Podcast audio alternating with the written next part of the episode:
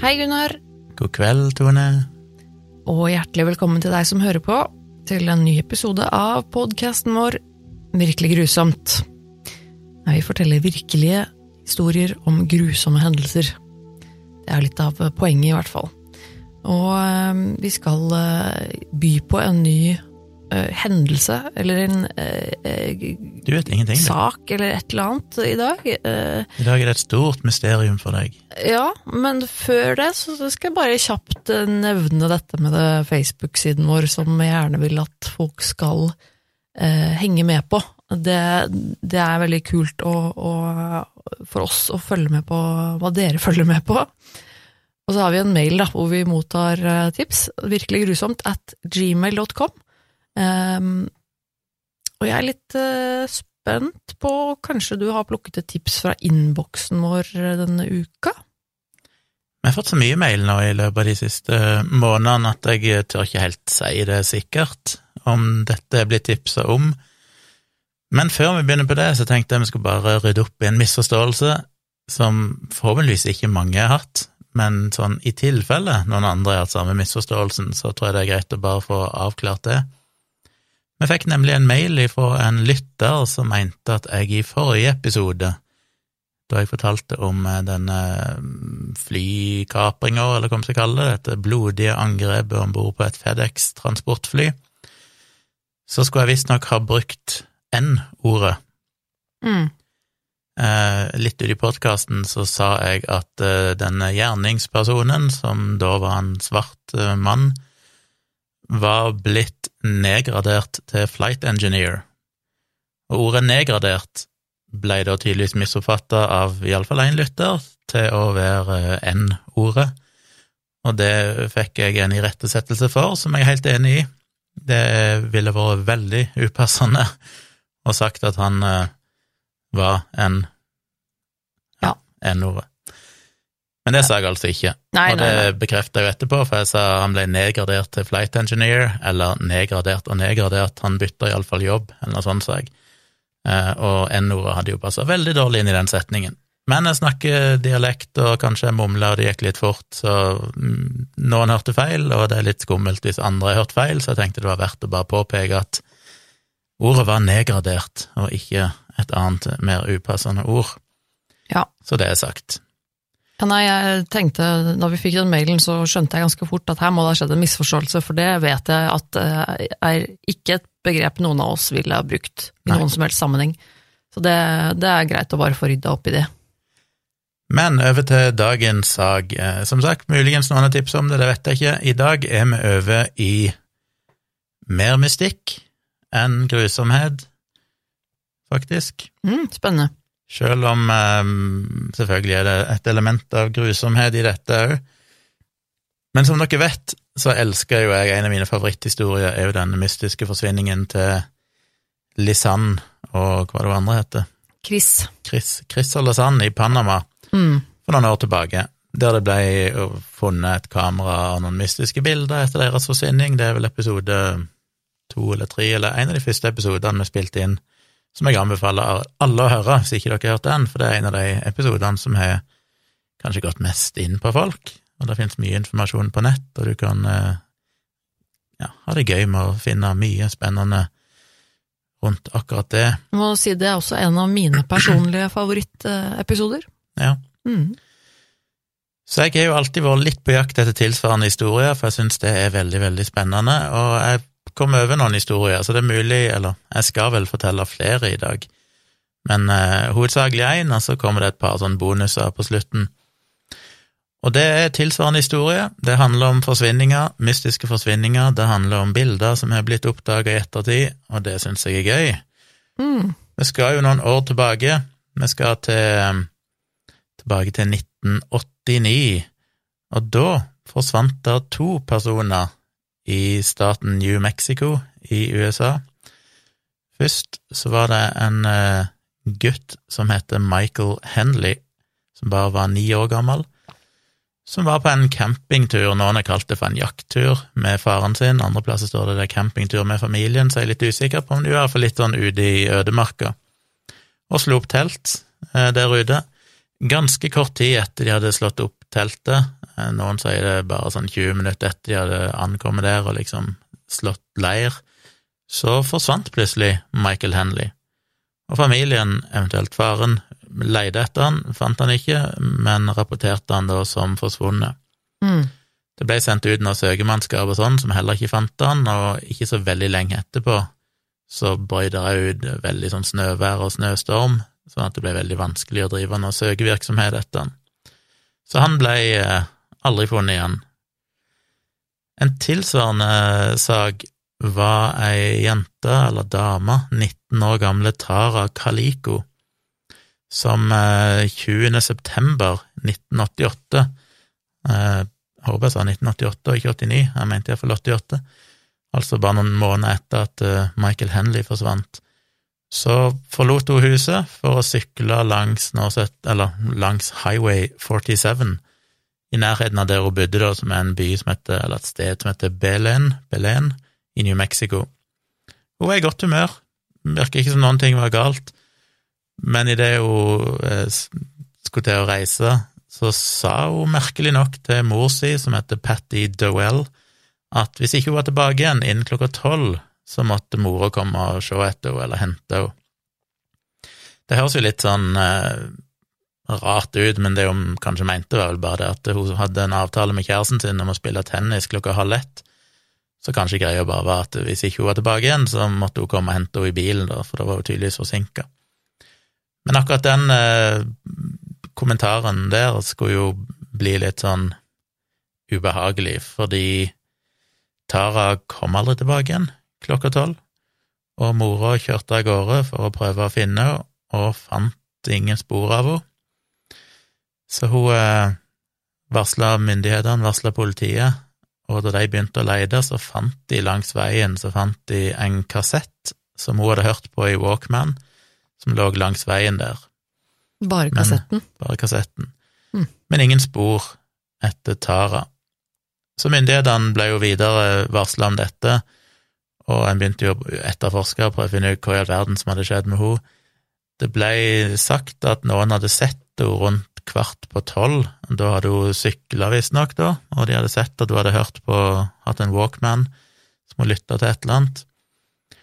Noen mente at de hadde sett en lys 1953 Ford pickup med en sånn slags campingvogn på slep som hadde kjørt bak henne, men det var ingen som helt visste om det hadde noen ting med forsvinningen hennes å gjøre, eller om det bare var venner av henne, sannsynligvis en bil da, som er på en måte fulgt etter henne i, i sakte hastighet, Mm. eller om det bare var noen tilfeldige som ja, kjørte bak henne og skulle passere henne. Det var ingen som så at noen ting hadde skjedd, så at hun hadde blitt kidnappa eller noen ting sånn. Og de fortsatte jo å søke rundt i området, og etter hvert så fant de òg noen fragmenterte deler av Walkman hennes, som da var knust i, på en sånn nærliggende campingområde. Men Tara fant de aldri. Hm. Så en visste jo ikke helt hva som hadde skjedd. Eh, Var hun blitt kidnappa? Hadde hun vært utsatt for ei ulykke? Eller hadde hun stukket av? Var det selvfølgelig noen som spekulerte i. Men familien sa jo at det var jo ingen tegn til at hun skulle ha lyst til å stikke av. Hun hadde jo et eh, bra liv, det var ikke noe problemer. Så det virka usannsynlig. Så det ble jo mer og mer eh, sannsynlig, eller iallfall det de antok, var vel at det hadde skjedd et eller annet som ikke var så bra, at noen kan ha tatt henne, eller skadet henne, eller drept henne. Og denne her knuste Walkman var jo selvfølgelig et hint i den retningen. Men eh, igjen, tida gikk, de fant ingenting før i juni 1989, altså nesten et år seinere. 15. juni 1989 så var det ei dame i Port St. Joe i Florida, omtrent eh, 1600 engelske mil ifra New Mexico, altså veldig langt vekke, som skulle til butikken. På parkeringsplassen så så hun en eh, hvit van, en, altså en varebil uten vinduer i, som sto parkert, og der satt der en mann i, som var rundt 30 år gammel med bart. Da hun kom ut igjen, så var den vanen forsvunnet, men der vanen hadde vært parkert, så lå der et polaroid-bilde igjen på asfalten. Og på det bildet der som eh, Ja, dere får sjekke ut bildet i virkeligheten hvis dere følger lenkene inne i podkastnotatene eller inne på Facebook. Så ser du altså ei ung dame og en liten gutt som ligger rett bak henne, som ligger i det som ser ut til å muligens være lasterommet på en varebil, med en del sånn dyner og puter. Begge har eh, teip over munnen og har hendene eh, bundet eller håndjern eller teipa sammen, et eller annet, du ser ikke hendene, men de er iallfall festa bak på ryggen, og ser ganske forskremte ut, begge to. Dette her eh, bildet ble visstnok da nevnt i en eh, episode av et sånn program som heter A Current Affair, i juli, altså en måned seinere. Dette skjedde jo som sagt langt vekke fra der hun forsvant, så i utgangspunktet var det ingen som skjønte hvem dette her var. Men da dette bildet ble vist på dette programmet, et slags sånn nyhetsprogram på en TV-kanal i USA, så var det folk som kjente henne igjen og sa at det minner jo om Tara, og kontakta da mora hennes og sa at øy, sjekk ut dette her bildet. Det samme skjedde med slektninger av han gutten, Michael Henley, som òg mente at den gutten i bakgrunnen ligner jo veldig på han Michael. Kan det være deg? Så begge foreldrene til både Tara og Henley møtte da etterforskere og granska dette bildet, og mora til Tara sa hun var helt overbevist om at dette var, var da dattera hennes, blant annet fordi det skal være et arr på det ene beinet som matcher opp med et arr som dattera hadde fått i ei eller annen bilulykke tidligere, pluss at på sida av denne jenta eller unge dama i det bildet så ligger der ei bok, som er en bok som heter My Sweet Audrina av en forfatter som heter VC Andrews, som visstnok var en av favorittbøkene til Tara Kaliko. Mm. Så alt det får jo ting til å høres ut som at eh, det er jo mest sannsynlig hun. Nå ble dette bildet analysert av en del andre, Scotland Yard analyserte bildet, og de konkluderte med at jo, dette er nok eh, Tara. Men Los Alamos National Laboratory de analyserte også bildet, og var uenige. De mente at nei, dette er nok mest sannsynlig ikke hun. FBI gjorde også en analyse av bildet, og de var usikre. De klarte ikke å komme til noen konklusjon. Men mora var altså så godt som sikker på at det var hun, og òg mora til Henley var òg nesten helt sikker på at dette faktisk var sønnen deres, ni år gamle Michael Henley, som hadde forsvunnet. Eh, dette polaroidbildet ja, Hva var det det sto? Dette polaroidbildet Altså, de kan jo sjekke filmen, da, når akkurat den type papir og sånn blir produsert. Ja. Og det viser seg at det ble produsert kort tid etter de forsvant, sånn at det, var, det begrenser jo muligheten for hvem det kunne være, men det kunne jo da være de som noen måneder etter forsvinningene deres fortsatt var da i fangenskap, og noen tok bilder av de. Mm. Um, så vi vet ikke helt. Og så kom en jo ikke noe videre med det, en klarte ikke å identifisere og finne ut noe mer om om hvem de var, eller hvor dette bildet kom ifra. Så fort dette bildet ble funnet på denne parkeringsplassen ute i butikken, så ble det satt opp veisperringer og sånn, men eh, de klarte aldri å stoppe eller finne denne vanen, denne varebilen, eh, eller sjåføren, så har en aldri funnet ut hvem det er. I alle årene etterpå så er det jo heller ingen som noensinne har meldt seg og sagt at du, det er oss på bildene, eller du, dette er den og den personen. Så de to, denne unge dama eller jenta og denne lille gutten, på bildet er fortsatt uh, uidentifiserte, selv om da familien til familien mente at det var de. Nå viste det seg jo, holdt jeg på å si dessverre, seinere at uh, det nok neppe var Michael Henley på dette bildet, fordi han ble til slutt funnet i juni 1990, altså to år etter han forsvant, så fant de liket hans i fjellene noen kilometer ifra der han opprinnelig hadde forsvunnet. Mm. Og de fant at han mest sannsynlig Altså, de identifiserte han basert på tennene, Mm. men eh, de mente at eh, han mest sannsynlig hadde dødd av kuldeeksponering og rett og slett bare oh, eller tørsta i hjel eller et eller annet. Så mest sannsynlig så gikk han seg bare vill Ja. og forsvant, og døde ute i villmarka der. Så der kan det faktisk hende at det ikke var noe kriminelt som hadde skjedd i det hele tatt. Og det er jo litt påfallende at mora er vel nesten helt sikker på at det er han på bildet, men eh, teknisk sett så kan det nok ikke ha vært han, for det, han, det ser ikke ut til at han noensinne ble kidnappa, eller at noen ting skjedde, for de fant han jo egentlig et stykke unna der han forsvant, bare liggende død, eller restene av han, da. Så han er på en måte eliminert ifra det. Men det åpner jo selvfølgelig spørsmålet om ja, men hvem er da denne gutten? Mm. Det er jo en gutt på det bildet som ser ut til å være bonde og gagga, og eh, en vet rett og slett ikke. Så er det selvfølgelig en, en mulighet at uh, dette kan være en prank. Kanskje dette bare er et bilde noen har laga for gøy, uh, uten at de engang har tenkt det skal ha noe med de to sakene å gjøre, for det bildet ble jo funnet veldig langt unna. Så vi vet jo ikke. Men så dukka det opp noen flere bilder, mye, mye seinere. I Montecito i California så ble det California? Ja, så ble det òg funnet et bilde Når var det? Det var i eh, Det står faktisk ikke akkurat når det ble funnet, Nei. men en del seinere så ble det funnet et annet bilde som òg viser Det er litt sånn uskarpt, litt ut av fokus, men det er et nærbilde der du egentlig bare ser ei fra omtrent brystkassa og opp, eller halsen og opp, så ser du et ansikt av ei jente som da igjen har teip over munnen, og ja, ser ut da til å være fanga på et eller annet vis. Men det påfallende er at under hodet hennes, eller rett bak henne, så kan du se stoff som minner om enten ei dyne eller pute, som er en sånn eh, og lyseblå stripete stoff, som òg da er det samme som ligger på, eller som er på ei pute eller ei dyne som er mellom gutten og jenta på det første bildet. Aha. Så det kan virke som at det er samme person eller samme sted. Men, men det første polaroidbildet ble funnet i Florida? Var ikke det det første ble funnet i eh, uh, i, Ja, i Florida, faktisk. Florida, og så det neste nå i California? Ja. Det er, ok, jøss, ja, da er vi det er langt unna hverandre, dette her. Det er på en måte Det, er ikke det, det er, det er ikke funnet eh, sammen, holdt jeg på å si. Det, Nei, Yes. eh, store avstander her. Ja. Men det minner litt om samme jenta.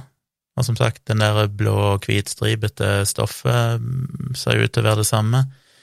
I tillegg så Og, det var Teie på en, en type film som ikke var tilgjengelig før juni 1989, som Mm. da var ja, knapt et år etter at eh, hun forsvant. Så det kan jo bety at det er iallfall ikke et bilde som er mye, mye eldre. Det må ha blitt tatt eh, ikke så lenge etter at hun ble eller forsvant. Så dukker det opp et annet bilde òg, som eh, er veldig, veldig rart, men det, det er vanskelig å ja, Dere må se bildene, men det, det er tatt på et tog, rett og slett. Noen som sitter på et togsete, Okay. der det sitter en mann eh, på vindusplassen, og så er det ei ung eh, dame igjen, som igjen ligner på Tara, for så vidt, som sitter med et slags eh, bind eh, i munnen, eller altså en sånn Hun er gagga da med og ser ut til at hendene er bundet, og lener seg mot han mannen, og han sitter og ser ut som han egentlig smiler. Ved siden av henne, liksom? Ja. Og det er et merkelig bilde. Den filmen var ikke tilgjengelig, altså den type papir eller film var ikke tilgjengelig før i februar 1990, så det må da ha vært et par år etterpå tidligere, så det bildet ble tatt. Disse bildene ble også vist til familien, eller familien til Tara, og mora mente at den første, altså det nærbildet av denne jenta, det var Tara. Det første bildet som ble funnet? Ikke det aller første, for det er jo allerede sagt var Tara, men det andre bildet, det nærbildet av hun jenta som var gagga, Å ja, ja. eller hadde teip over munnen, det mente hun òg var Tara. Mens det andre, det som ser ut til å være på et tog sammen med en mann, det lurte hun på om kanskje bare var et sånn tullebilde, som kanskje ikke hadde noe med Ok. dattera hennes gjør. Men de mener jo at de er veldig, veldig like, både mora og søstera til Tara mener at uh, iallfall de to bildene, det som ble funnet på parkeringsplassen, og det andre nærbildet av ei jente, mest sannsynlig er Tara. Hm. Så, så er det jo det, da, at det er jo ingen andre som har stått fram, selv om disse bildene har ligget på nettet i evigheter og vært offentliggjort på TV og i avisartikler overalt, så er det ingen andre som noen gang har stått fram og sagt ja, du, det er meg, og det var kødd, eller dette er dattera mi som forsvant, eller Mm. en, eh, Selv om det dukker opp altså tre bilder med identifiserbare personer, så er det ingen andre noen gang som har sagt hvem dette er i løpet av de ja, godt og vel 30 årene som er gått siden dette. Så kom det jo fram informasjon litt seinere, så sent som i 2008, så eh, sto René Rivera, som er sheriffen i Valencia County, fram og sa at han hadde fått informasjon om at det var to tenåringer som visstnok skulle ha kjørt på Calico med en eh, bil, en truck, fått panikk og mm, da har drept henne. Okay. Og han vet hvem disse guttene er. Han sier at dette var noen som kjente Tara Kaliko. De kjørte opp bak henne i en trøkk, og det resonnerer jo med de vitneobservasjonene som ble gjort, med at det var en Ford som hadde kjørt sakte bak henne, Mm. og at det hadde skjedd ei eller annen ulykke. Og at Kaliko da enten at de drepte henne, eller at de, hun døde i den ulykka, eller sånn, men de fikk panikk og fjerna liket, eller bare fikk henne til å forsvinne. Så den Så det skal ha skjedd allerede den dagen hun ble meldt savnet, da? Jeg, jeg, denne informasjonen fikk jo ikke han før i 2008, som jo var 20 år seinere. Mm. Så ja. Men han sier at han vet hvem disse guttene er, men fordi det ikke finnes et lik, så mener han at han ikke kan kjøre en sak på det, og derfor har han aldri offentliggjort informasjonen om hvem det er, Mm. som mange mener er veldig rart, fordi du skal teknisk sett ikke trenge et lik for å sikte noen for en forsvinning eller et drap. Eh, og stefaren til hun Tara Kaliko, han syntes at det var veldig ugreit, upassende at sheriffen hadde gått ut med disse tingene hvis han ikke var villig til å arrestere noen. For det er jo bare forvirrende og skaper jo bare stress for familien og sånn å si at du, jeg vet egentlig hvem som kanskje gjorde det, men vi har ikke tenkt å kjøre noen kriminalsak mot dem fordi vi har ikke funnet noe lik. Veldig, Ja. veldig rart. Og denne saken er aktiv fortsatt. I oktober 2013 så ble det opprettet en gruppe på seks personer som skulle etterforske denne saken på nytt, men uh, fortsatt er det ingen som har blitt arrestert for det, og det er fortsatt en åpen sak. I 2019 så gikk FBI ut og annonserte at de ville de utlova en dusør på opptil 20 000 dollar hvis noen hadde informasjon som kunne gjøre at de fant Tara Lee Kaliko, eller med informasjon som kunne føre til at noen ble arrestert og dømt for saken. Og eh, så seint som i september 2021, altså i fjor høst, Mm. så gikk da Valencia County Sheriff's Office og New Mexico State Police ut og sa at de hadde et nytt, en ny ledetråd i saken, wow. men at eh, ja, at foreløpig så hadde de ikke, har de ikke kommet med noe mer informasjon om det. Så det virker som at det er noe på gang ennå, yes. men uh, saken er ikke løst. Så det er vel egentlig saken uh, som jeg syns er fascinerende, fordi det er rart at det dukker opp et sånt bilde så langt unna, med ei jente som er så lik hun som opprinnelig forsvant, og som òg da tilfeldigvis er bilde av en gutt som er jo forsvunnet i noenlunde samme område, selv om det viser seg da at det neppe var den gutten Ja. at det dukker opp to andre bilder, som òg, iallfall etter de, kan være hun, men som da må ha blitt tatt minst et år seinere og sånn, fordi at denne type film eller papir, fotopapir, ikke eksisterte så tidlig som like etter, eller den tida hun ble tatt i 1988, eller forsvant i 1988. Så er det jo litt andre rare ting. I 2009 eh, så fikk plutselig Port St. Joe Police Chief David Barnes to brev i posten. En av de som var datert eh, 10. juni, og en av de som var datert 10. august.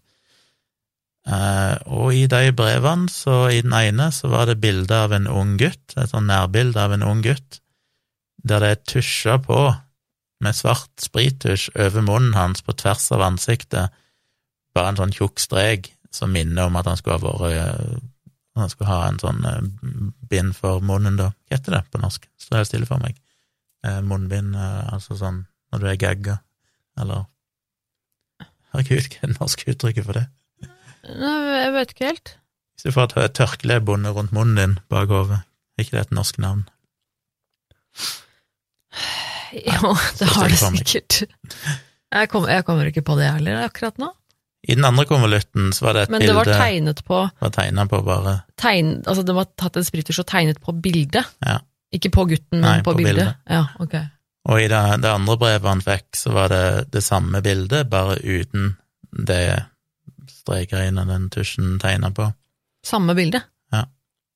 Ok. 12. august samme året, i 2009, så fikk en avis i Port St. Joe som heter The Star, et brev òg, som òg var poststempla i Albuquerque i 10. august, altså det samme som de to andre brevene, bare at de var sendt 10. juni og 10. august, men òg poststempla i Albuquerque i New Mexico. Hm? Kneblet. Kneblet, ja, det er rett ord, takk. Der kom det. Og den gutten har har òg tusja på en sånn eh, som om, om han skulle være knebla, men de har ikke klart å verifisere om bildet av denne gutten er den samme gutten som i de to første brevene.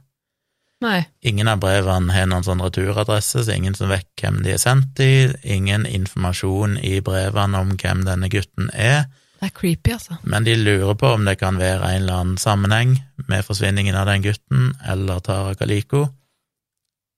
Eller selvfølgelig kan det bare være kødd, noen som har en makaber form for humor, men det er liksom 20 år etterpå. Så Men- er det plutselig noen som finner på å bare sende de bildene uten at noen helt vet hvorfor, uten noe mer informasjon. Men, men dette Disse bildene av Det, det kan jo ikke Eneste grunn til å anta at det skal ha noe med Kaliko og saken og det greiene, er jo bare fordi at det var et samme type bilde, da, for at det ligner jo tydeligvis ikke på Ja, gutten Noen- ligner jo litt på han eh, Michael Henley som forsvant. Men vi Men vet igjen, jo at ikke Michael ja, Henley ble kidnappet, eller på en måte ganske sikkert, i hvert fall. Men det er jo uh, i Port St. Joe, det er vel samme stedet da som disse forsvant, i New Mexico. Mm. Og det er jo samme staten og, som de ble sendt ifra og sånn, så det, det er vanskelig å si. Men uh, den er iallfall blitt assosiert med denne, denne saken. Jeg tenker vel umiddelbart at det kanskje kunne være et slags uh, prank. Ja, det er jo ikke sannsynlig. Men det er klart det blir interessant. Altså det, det er jo noe Ja, ja. må se på for Ja, ja. etterforskeren og prøve å finne ut uh, Selvfølgelig. Disse bildene ble jo gitt til FBI for å prøve å se om de fant noe fingeravtrykk eller DNA på dem, men så vidt jeg vet, så ble aldri det funnet, så de ikke kommet noe videre med den saken. Så det er vel egentlig alt vi vet om stakkars Tara Kaliko. Det har vært en sak som pågår fortsatt. Eh, Folk som har engasjert seg i det, har jo oppretta Facebook-sider og sånn, og de søker informasjon, og ja, som sagt, det er muligens en ny ledetråd som dukket opp i fjor høst, som de går videre med, men, men jeg vet ikke. Nei, jeg tror faktisk jeg har hørt det navnet, altså. Ja, det har vært egen podkastserie om det som var veldig populær, og det har vært sikkert mye dokumentarer og artikler om den saken, for den er, Mm. den er jo spesiell, litt som med Lisanne og Chris, fordi nettopp det finnes disse her bildene som er dukka opp, og som en ikke egentlig vet om Altså, vi vet jo ikke om hun jenta faktisk er Tara, selv om familien mener at det er hun. Andre mener jo, jeg har jo sett, selvfølgelig går jo folk bananas på internett og begynner å sammenligne, liksom. Nei, det kan ikke være samme jenta, for det er øyenbrynene på det ene bildet er sånn, og på det andre bildet er det sånn, og Mm. ting, dette matcher ikke. Men eh, Scotland Yard mente jo at det var den samme, mens eh, noen andre ikke mente det, så vanskelig å si. En annen tilsvarende creepy sak omhandler det tolv år gamle Johnny Gosh, som eh, kom ifra, eller bodde i West Des Moines i Iowa i USA.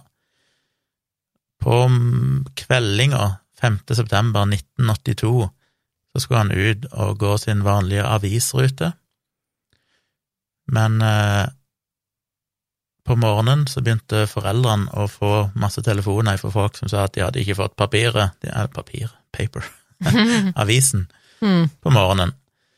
Så mora og faren begynte å snakke med andre avisgutter, eller hva du kaller de, som eh, leverte aviser, og de sa at eh, Johnny hadde kommet for å finne, eller hente avisene sine, Mm. men utover det så fant de ingenting mer. Når de begynte å lete, så fant de da denne vogna hans som han hadde avisene i ganske nærme, men der var fortsatt alle avisene. Så et eller annet sted etter at han henta denne bunka, eller disse bunkene med aviser for å levere de, eh, så har han forsvunnet og ikke fått gjort jobben sin. Ja. Så de jo, de ble jo kontakta av myndighetene her òg, og begynte å, å finne, prøve å finne ut av hva som hadde skjedd. Da var det vitner som sa at de hadde sett at eh, Johnny ute med avisene hadde blitt eh, eh, oppsøkt av igjen da en Ford Truck som hadde nummerskilt som hørte til en annen stat, der sjåføren hadde stoppa og spurt han etter ja, retningsangivelse et eller annet sted. Mhm. Andre som mener at de hadde sett at han ble fulgt av en eller annen uidentifisert mann, og en tenkte jo da fort at han mest sannsynlig har blitt kidnappa, men de fant aldri noen mistenkte. De fant aldri denne her eh, bilen, denne pickupen eller hva det var, som skulle ha stoppa med han. Ingen som har funnet noe motiv for at han skulle ha blitt tatt, og ikke et fnugg av bevis om hva som skulle ha skjedd med han. Det eneste mulige ledetråden var at noen sa de hadde sett en gutt som visstnok skal ha matcha beskrivelsen til Johnny, som ble dratt vekk av to menn, som høres litt brutalt ut, i Oklahoma. I Oklahoma? Så det er jo en helt annen stat, men det er ingen som vet om det egentlig var Johnny eller ikke. Så stort sett så ble den saken lagt litt død, fordi de hadde absolutt ingenting av bevis. Johnny var bare vekke. Ingen Oi. visste noen ting. Eh, Foreldrene leide òg inn en privat etterforsker, men han klarte heller ikke å finne ut noe mer, så en visste rett og slett ingenting. Men så ble saken enda mer bisarr. Husk på dette skjedde jo i 1982, og da var han eh, Hvor gammel sa han var? Tolv år gammel i 1982. Mm. Men mange, mange år seinere så sto mora fram og sa til politiet, tror jeg, at i 1997 så hadde hun plutselig blitt oppsøkt av en ung mann som hun mente var Johnny, Aha. som nå hadde voksen, liksom blitt eh, voksen, dette var da 15 år seinere, så da er han 27 år gammel. Ja. Og han hadde visst fortalt henne at han hadde klart å rømme ifra de som hadde kidnappa han, men at de fortsatt var på utkikk etter han og prøvde å finne han, så han kunne ikke være der lenge. Og han sa at hun måtte holde kjeft, ikke fortelle noen om dette, og så forsvant han. What? Og hun sa at eh, mens han hadde stått der og prata med henne, så hadde hun sett en annen mann som hun ikke kunne identifisere, som hadde venta på utsida, ja, i mørket, da, så hun hadde egentlig ikke sett hvem det var. Og en var jo usikker på om dette egentlig hadde skjedd eller ikke, Mm. men mora hevder hardbakka at eh, jo, dette opplevde hun. Ja. Men så gikk det noen år til, og i september, 1. september 2006 så sier hun at hun fant tre bilder ute på trappa foran huset hennes. Og på ett av bildene så ligger der tre gutter. Det er et bilde som ser ut til å være tatt tidlig på 80-tallet eller sånn, basert på kledet. Tre gutter som eh, ligger i ei seng der alle er knebla og har hendene stripsa eller bundet fast bak ryggen, og en av de minner veldig om han Johnny Gosh. Mhm. På et annet bilde som er svart-hvitt, og det har jeg aldri sett på nettet, det første bildet med de tre guttene, de kan dere se på nettet. Det andre bildet som er svart-hvitt, det viser bare én gutt som er bonde og knebla, og det skal visstnok òg minne om Johnny Gosh. Og det tredje bildet ser ut til å være en mann som er hengt. En voksen mann, Ja. liksom? Ok. Um, disse bildene her var jo kontroversielle. Det ble visst sendt inn et anonymt brev, vet ikke om det var til politiet eller hvem det var, men der hevder de at dette er bildet av de tre guttene som er bundet og knebla, det dukka først opp på 70-tallet, og skal visstnok bare ha vært et tullebilde Ja. som ble tatt av noen gutter som skulle se hvem som fortest kunne klare å komme seg fri. Mm. Ehm, Etter litt etterforskning så viser det seg at det så ut til å stemme at jo, det hadde visst vært et sånt bilde som hadde sikkert skapt litt oppstyr på 70-tallet, og ble etterforska av politiet den gang, men det har aldri vært noe bevis for at det bildet det var snakk om på 70-tallet, er det samme bildet som hvor Nei. mora da hevda har funnet på trappa si. Mm. Og de guttene på de andre to, nei, den gutten på det andre bildet og denne mannen som skal ha vært hengt, har heller aldri blitt identifisert, eh, så en vet jo ikke hvem det egentlig er. En er litt usikker på om den gutten på det bildet med de tre guttene, eller en av de guttene på det bildet med tre gutter, og det andre svart-hvitt-bildet av én gutt, faktisk er Johnny Gosh, selv om mora er helt overbevist om at eh, begge de bildene inneholder sønnen hennes. Og hun er helt overbevist om at det er en eller annen pedofiliring, organisert pedofiliring, som eh, driver og kidnapper gutter. Mm. Så en vet ikke. Og det igjen, det mystiske er jo at en aldri har funnet Johnny Gosh. Ingen spor etter han. Men igjen, enda mer mystisk er det omtrent at disse bildene som er dukket opp, er òg bare helt uidentifiserbare personer. Ingen som har stått fram i løpet av 40 år omtrent og sagt at uh, jo, det bildet det var noe kødd vi gjorde en gang i tida, eller dette er meg på det bildet, eller Og Det er det som gjør disse sakene så rare. Det hadde vært én ting uh, en ting er at vi ikke vet sikkert om det er de forsvunne personene på bildene, men det at ingen andre heller har sagt at dette er meg, selv om disse bildene er så vident distribuert og publisert på nettet sånn, er veldig, veldig rart. Ja. Kan jo selvfølgelig være at noen bare ikke tør å si at det er oss, fordi de er redd for å bli blanda inn i en eller annen etterforskning, eller bli mistenkt for å ha vært med på noe, men eh, Men veldig, tenk... veldig rart. Ja, men jeg tenker jo også litt sånn at selv om det er noen bilder som på en måte er offentlig kjent og, og, og har vært vist fram for å prøve å finne ut hvem det er videre, det, det, eh, det kan jo likevel godt hende at, at vedkommende eller noen som på en måte hadde kjent dem igjen, faktisk ikke har hørt om eller sett bildene. For da, Nei, når jeg snakker om USA, så er det jo veldig, veldig, veldig mange mennesker som bor der. Og da forutsetter du at de riktige menneskene faktisk har hørt den nyheten, på en måte. Og det er jo ikke sikkert. Eh, Nei, selvfølgelig kan det være, men det er litt rart allikevel at ingen i Jeg mener, enhver person vil jo kunne bli gjenkjent av sikkert ganske mange titalls eller hundretalls personer i familie, venner, kollegaer, alt mulig sånn. ja, At ingen skal ha sagt at 'å, den personen på det bildet vet jeg hvem er'. Syns jeg er litt rart, da. ja, men jeg tenker også Dette her var jo på 80-tallet, da. Da.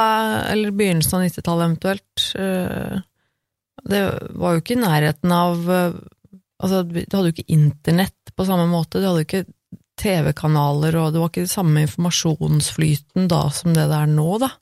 Det er jo ikke Nei, men jeg bare at mener at de er jo leie på nettet nå i ganske lang tid, og de har vært eh, omtalt på Oprah Winfrey Show, og det har vært på mange TV-programmer og nyhetssendinger og avisartikler og magasinartikler. Ja. Og det at det har vært så vident beskrevet, liksom, så er det rart at det ikke er en eneste person som gjenkjenner disse folkene, har stått fram. Men jeg vet ikke. Det, det forsvinner jo mange mennesker i USA hvert år, Ja, det så det er jo ikke helt urimelig at dette faktisk er folk som er forsvunnet, men igjen så er det jo rart at ingen av familien deres da har sagt at du, det er jo bilde av sønnen min som forsvant her for noen år siden. Mm. Og heller ikke at noen politietterforskere har gjenkjent noen av personene fra noen sånn missing person cases. Eh, For de fleste av de som forsvinner av barn, vil jo sannsynligvis bli rapportert som forsvunnet, og det vil finnes et eller annet, altså de vil finnes i en database av missing persons, men til og med der så er det ingen som har sagt at jo, dette er jo den personen. Mm. Det kan selvfølgelig bare være fordi det er vanskelig å gjenkjenne dem, men det er relativt gode bilder, burde ikke være så vanskelig.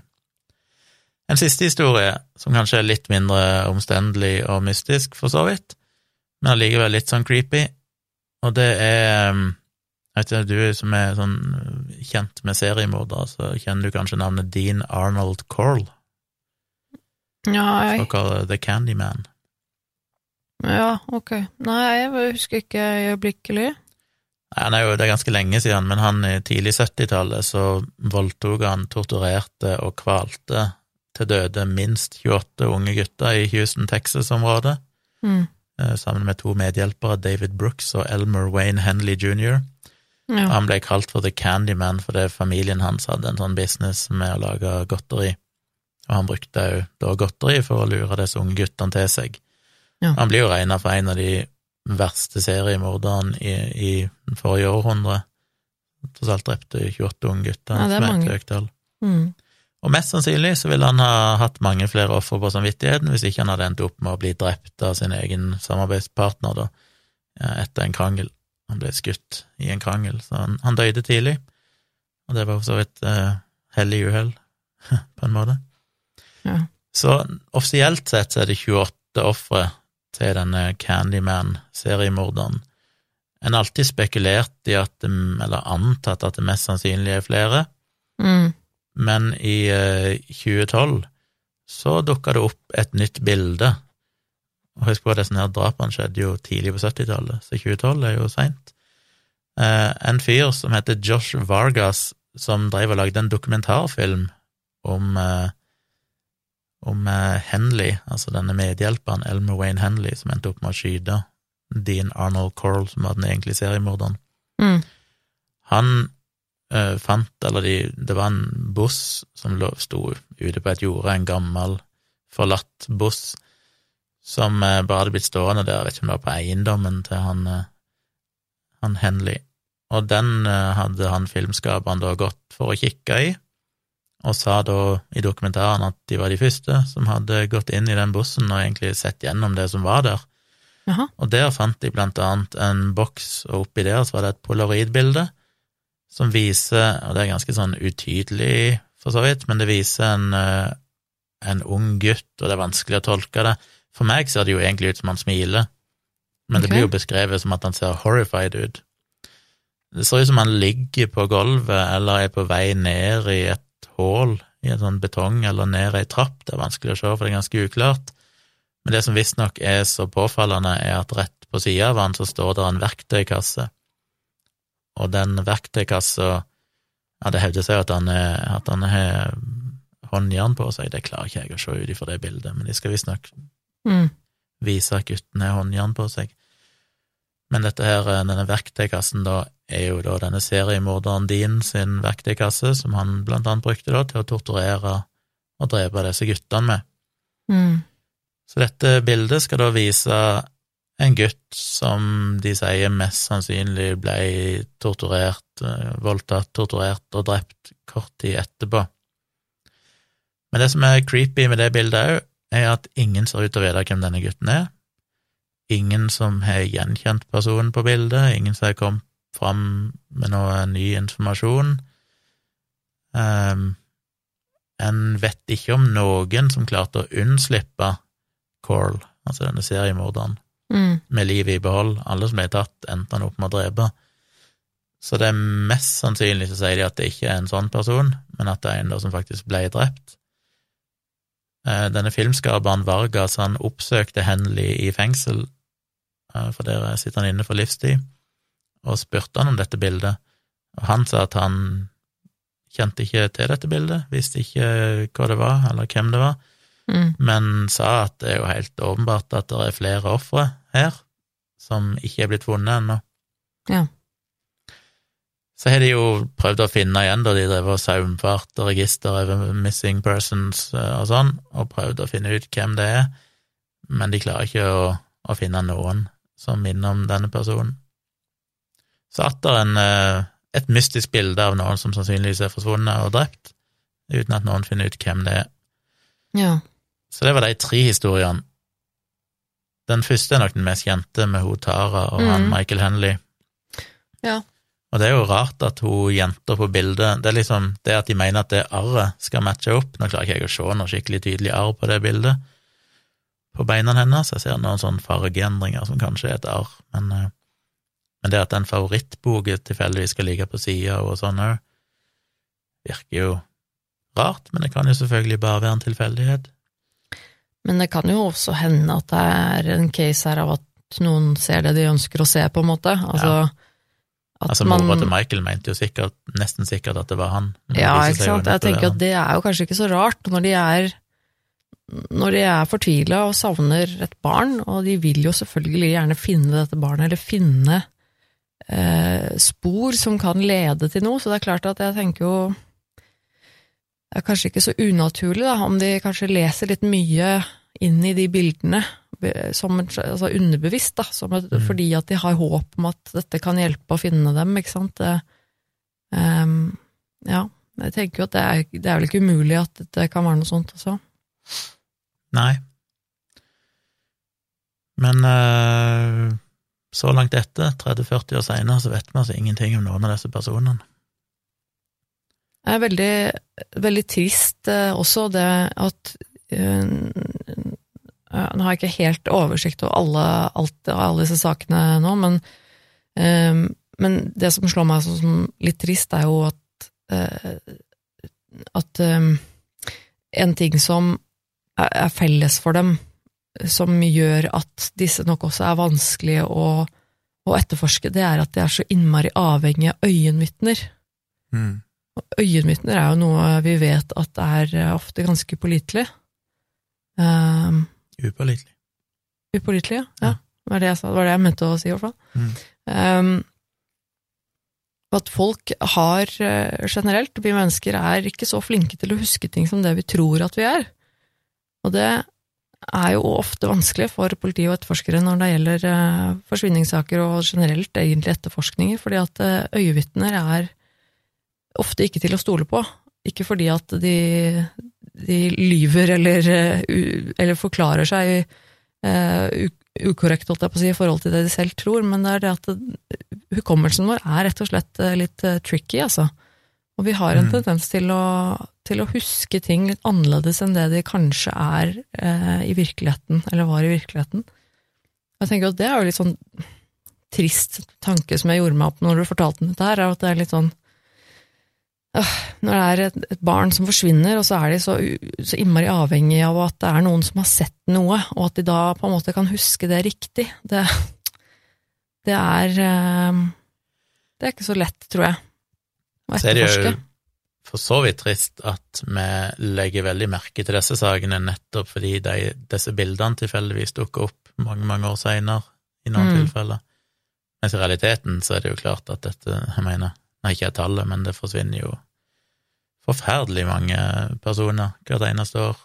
Ja, og, og det, gjør, det gjør det jo. Og det, det er jo selvfølgelig kjempetrist i seg selv, det med at det, forsvinner mennesker, og ikke bare mennesker, men også barn. ikke sant? At barn også er, Mm. er blant de som faktisk bare forsvinner. Og så kan man tenke at det er veldig rart da, at ikke vi vet om alle disse barna, eller menneskene generelt, som er forsvunnet. Men jeg tenker jo at det er ikke sikkert det er så rart heller, når det er for, for eksempel snakk om et, et barn som, som er borte, da, eller at det dukker opp eksempel eh, et bilde av et barn som tilsynelatende er kidnappet, eller som, eh, som eh, ja, og man lurer på ok, hvem er dette barnet, og at det er veldig rart at ingen har meldt ifra om at dette barnet er savnet, videre, tenker jeg at det er ikke sikkert det er så rart, dessverre.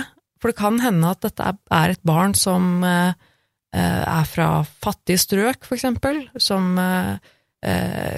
som eh, har kanskje familie eller, eller andre som, som eh, ikke ønsker at politiet skal bli innblandet i noe, eksempel. Mm. Eh, at, eh, at, for de vet at ok, hvis jeg melder fra til politiet om at, eh, denne personen eller dette barnet er forsvunnet, så kommer jeg slash vi, familien, til å bli etterforsket. Kanskje de er i et miljø eller, eller er involvert i, aktiviteter som ikke de vil ha oppmerksomhet for. Eh, det er jo også eh, veldig mange fattige, veldig fattige mennesker i USA som også er eh, hjemløse eller tilnærmet hjemløse. Jeg tenker at det er eh, det er nok ikke så det er nok ikke så mange som kan redegjøre for de menneskene her hvis det plutselig skulle være et menneske som forsvinner. Jeg synes det er viktig også, når jeg sier fryktelig mange, jeg vet ikke akkurat hva tallet er, jeg vet at det er veldig viktig å være kritisk til de tallene òg, for det er jo blitt brukt i, i mange forskjellige saker der folk sier at det forsvinner årlig så og så mange tusen eller titusener av barn i USA, og derfor så må vi kjempe for et eller annet. I realiteten så er jo de tallene folk som har blitt rapportert som forsvunnet, men de aller, aller fleste av de dukker jo opp igjen. Mm. Eh, og veldig ofte så er det jo sånn I en betydelig andel av sakene så er det jo en, eh, et foreldrepar som har gått ifra hverandre, og en far eller en mor som kommer og tar ungen, Mm. og så er det ikke det at ungen egentlig er forsvunnet, alle vet hvor ungen er, men du er nødt til å rapportere det inn som en missing person. Det er et eller annet sånn lovverk som sier noe om at den andre forelderen må melde det inn for å kunne ha en sak om å få tilbake foreldreretten og et eller annet sånt, så det er jo ikke reelle forsvunne personer. Nei. Så hvis du begynner å luke vekk alle de sakene der, der de enten dukker opp igjen, eller det bare er en barnefordelingssak som ender opp med en sånn missing person report og sånn, så er det ikke så mange eh, som faktisk er sånn reelle, mystiske forsvinninger som ingen finner. Nei, det er jo klart, selvfølgelig. Men det er likevel et tall som er altfor høyt. Ja, ja, ja, nei, men det er selvfølgelig klart. Og vi hører jo veldig sjelden om de. Ja, og viktig å huske på det at uh, mange av de som er rapportert savnet, faktisk blir funnet. Det er litt som den Madeleine-saken i Europa, Ja. Som òg har fått sånn latterlig mye oppmerksomhet. Ikke latterlig fordi det er galt, men bare sånn sjokkerende mye oppmerksomhet. Mm.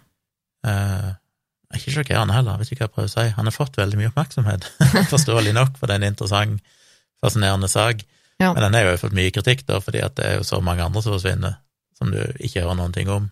Som ikke får tilnærmet like mye oppmerksomhet, ja. Mm. Og det er litt sånn tilfeldigheter som gjør hvorfor en sak plutselig ender opp med å fenge interessen til media og folk og sånn. Mm. Så poenget er bare at disse sakene hører vi om fordi disse bildene dukker opp, som gjør de bemerkelsesmerdige og kanskje ekstra mystiske. Men uh, utover det så er jo ikke sakene unike i seg sjøl. Det at noen forsvinner, er jo ikke så uvanlig, dessverre. Men allikevel, jeg syns det er fascinerende. Jeg blir dypt fascinert av bare å ligge og se på det, spesielt det første bildet av hun, muligens hun Tara og han gutten, og bare tenke hva i all verden er dette for noe? Ja.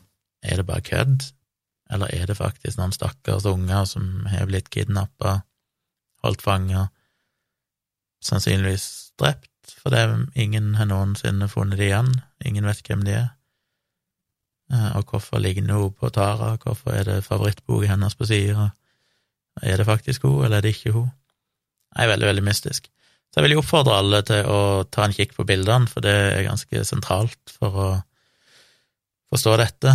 Eh, Du kommer sikkert til å bruke bildene på coveret til denne episoden, som vi poster på Instagram og Twitter, og ikke minst på Facebook-sida vår, som heter Virkelig grusomt podkast. Ta Mm. en kikk på den. Jeg legger jo linker til flere bilder, så dere kan gå inn og kikke og se de i litt høyere oppløsning. Og så, hvis dere har noen eh, tips, holdt jeg på å si, om hvem dette er Nei da. Hvis dere har noen eh, informasjon om disse sakene, hvis det dukker opp noen nyere ting som ikke jeg har fått med meg, så er det alltid kult å få tilsendt informasjon om det på mail, så kan vi eventuelt videreformidle det i senere episoder. Ellers er det bare å fortsette å tipse dere. Igjen, som jeg bare sier, selv om jeg er veldig glad for alle tips vi får, så får vi jo noen sånne tips som vi nevnte i forrige episode, sånn kan dere si mer om Baneheia, eller kan dere si mer om Scandinavian Star-ulykker, men det er sånn Nei, men når det nylig er kommet dokumentarer om dette som graver i det, og har all informasjon, så er det ikke så interessant for dere å gjøre det samme og bare repetere det i en podkast.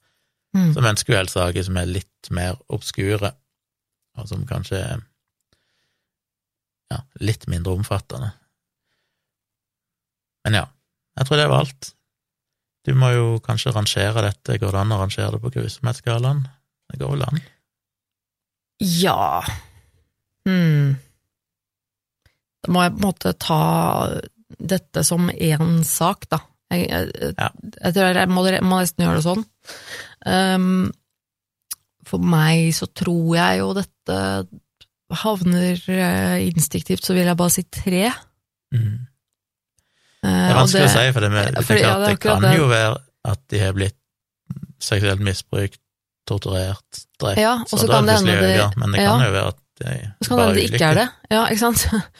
For vi vet jo ikke. Så det, det blir jo på en måte litt av det som, eh, det som gjør det vanskelig, selvfølgelig. Men også er det jo, det er jo selvfølgelig mystisk, da, og selvfølgelig veldig creepy.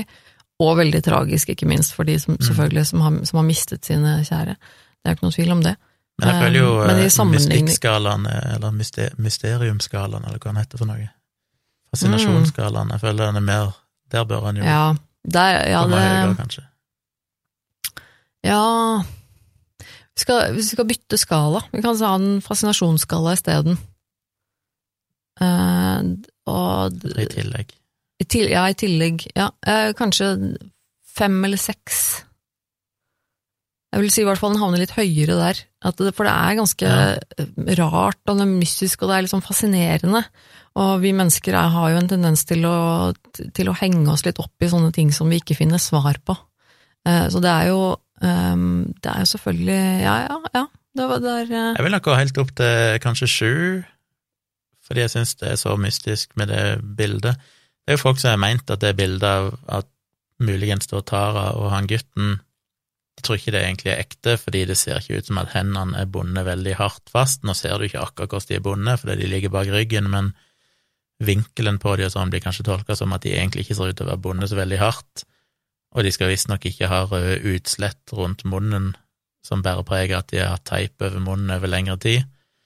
Jeg synes det virker litt rart, kan du se det på disse bildene? Teipen er jo så svær, han dekker jo nesten alt under nesa, så hvordan kan de se det? Så jeg tror det er mye sånn motivated reasoning for det motsatte òg, og liksom bare sier nei, dette er bare tull, Mm. og så kommer de med noen argumenter som jeg syns Det blir så mye sånn- spekulasjoner og gjetting og sånne ting, da, som på en måte blir helt umulig å Men gitt at dette er ekte bilder, da, så syns jeg jo det er veldig, veldig mystisk at ingen vet hvem de er. Ja, men det er det også som er litt av litt av spørsmålet rundt det, er jo på en måte altså Selve bildet, at det er ekte, er jo greit nok, men situasjonen på bildet vet vi jo ikke om er ekte. Nei. Så det, man kan jo på en måte aldri vite, men det er jo klart det er jo veldig creepy, da. Det er, det er ikke noe tvil om det. Nei, jeg vi syns det, jeg syns det er vanskelig å arrangere, egentlig. Ja, det faller jo litt på utsida av den ordinære grusomheten, men eh, Men det er spennende å høre om likevel, altså. vi er jo nysgjerrige på hva dere mener. Syns dere òg det er interessant å høre litt mystiske saker innimellom, så er det fint å få feedback på det, så vi vet at ikke vi går ikke helt vill. Eh, Det blir jo fortsatt fokus på grusomme saker, og fortsett å sende inn tips til mailadressen vår, som er virkelig grusomt, at gmail.com. Men veldig nysgjerrig på hvordan dere rangerer disse historiene på for så vidt både grusomhetsskalaen, men òg eh, mystikkskalaen, eller hva man skal kalle det. Og det kan dere skrive spesielt inne på Facebook under posten som dukker opp der, kort tid etter at episoden er ute, eller iallfall i løpet av mandagen. Så er vi alltid nysgjerrig på det. Så eh, ja, takk for at dere hørte på, får vi vel si. Mm. Satser på at vi er tilbake igjen eh, neste uke med en ny historie, forhåpentligvis grusom. Husk å like, del, rate, alt dette her. Så er vi tilbake igjen neste mandag. Ha det.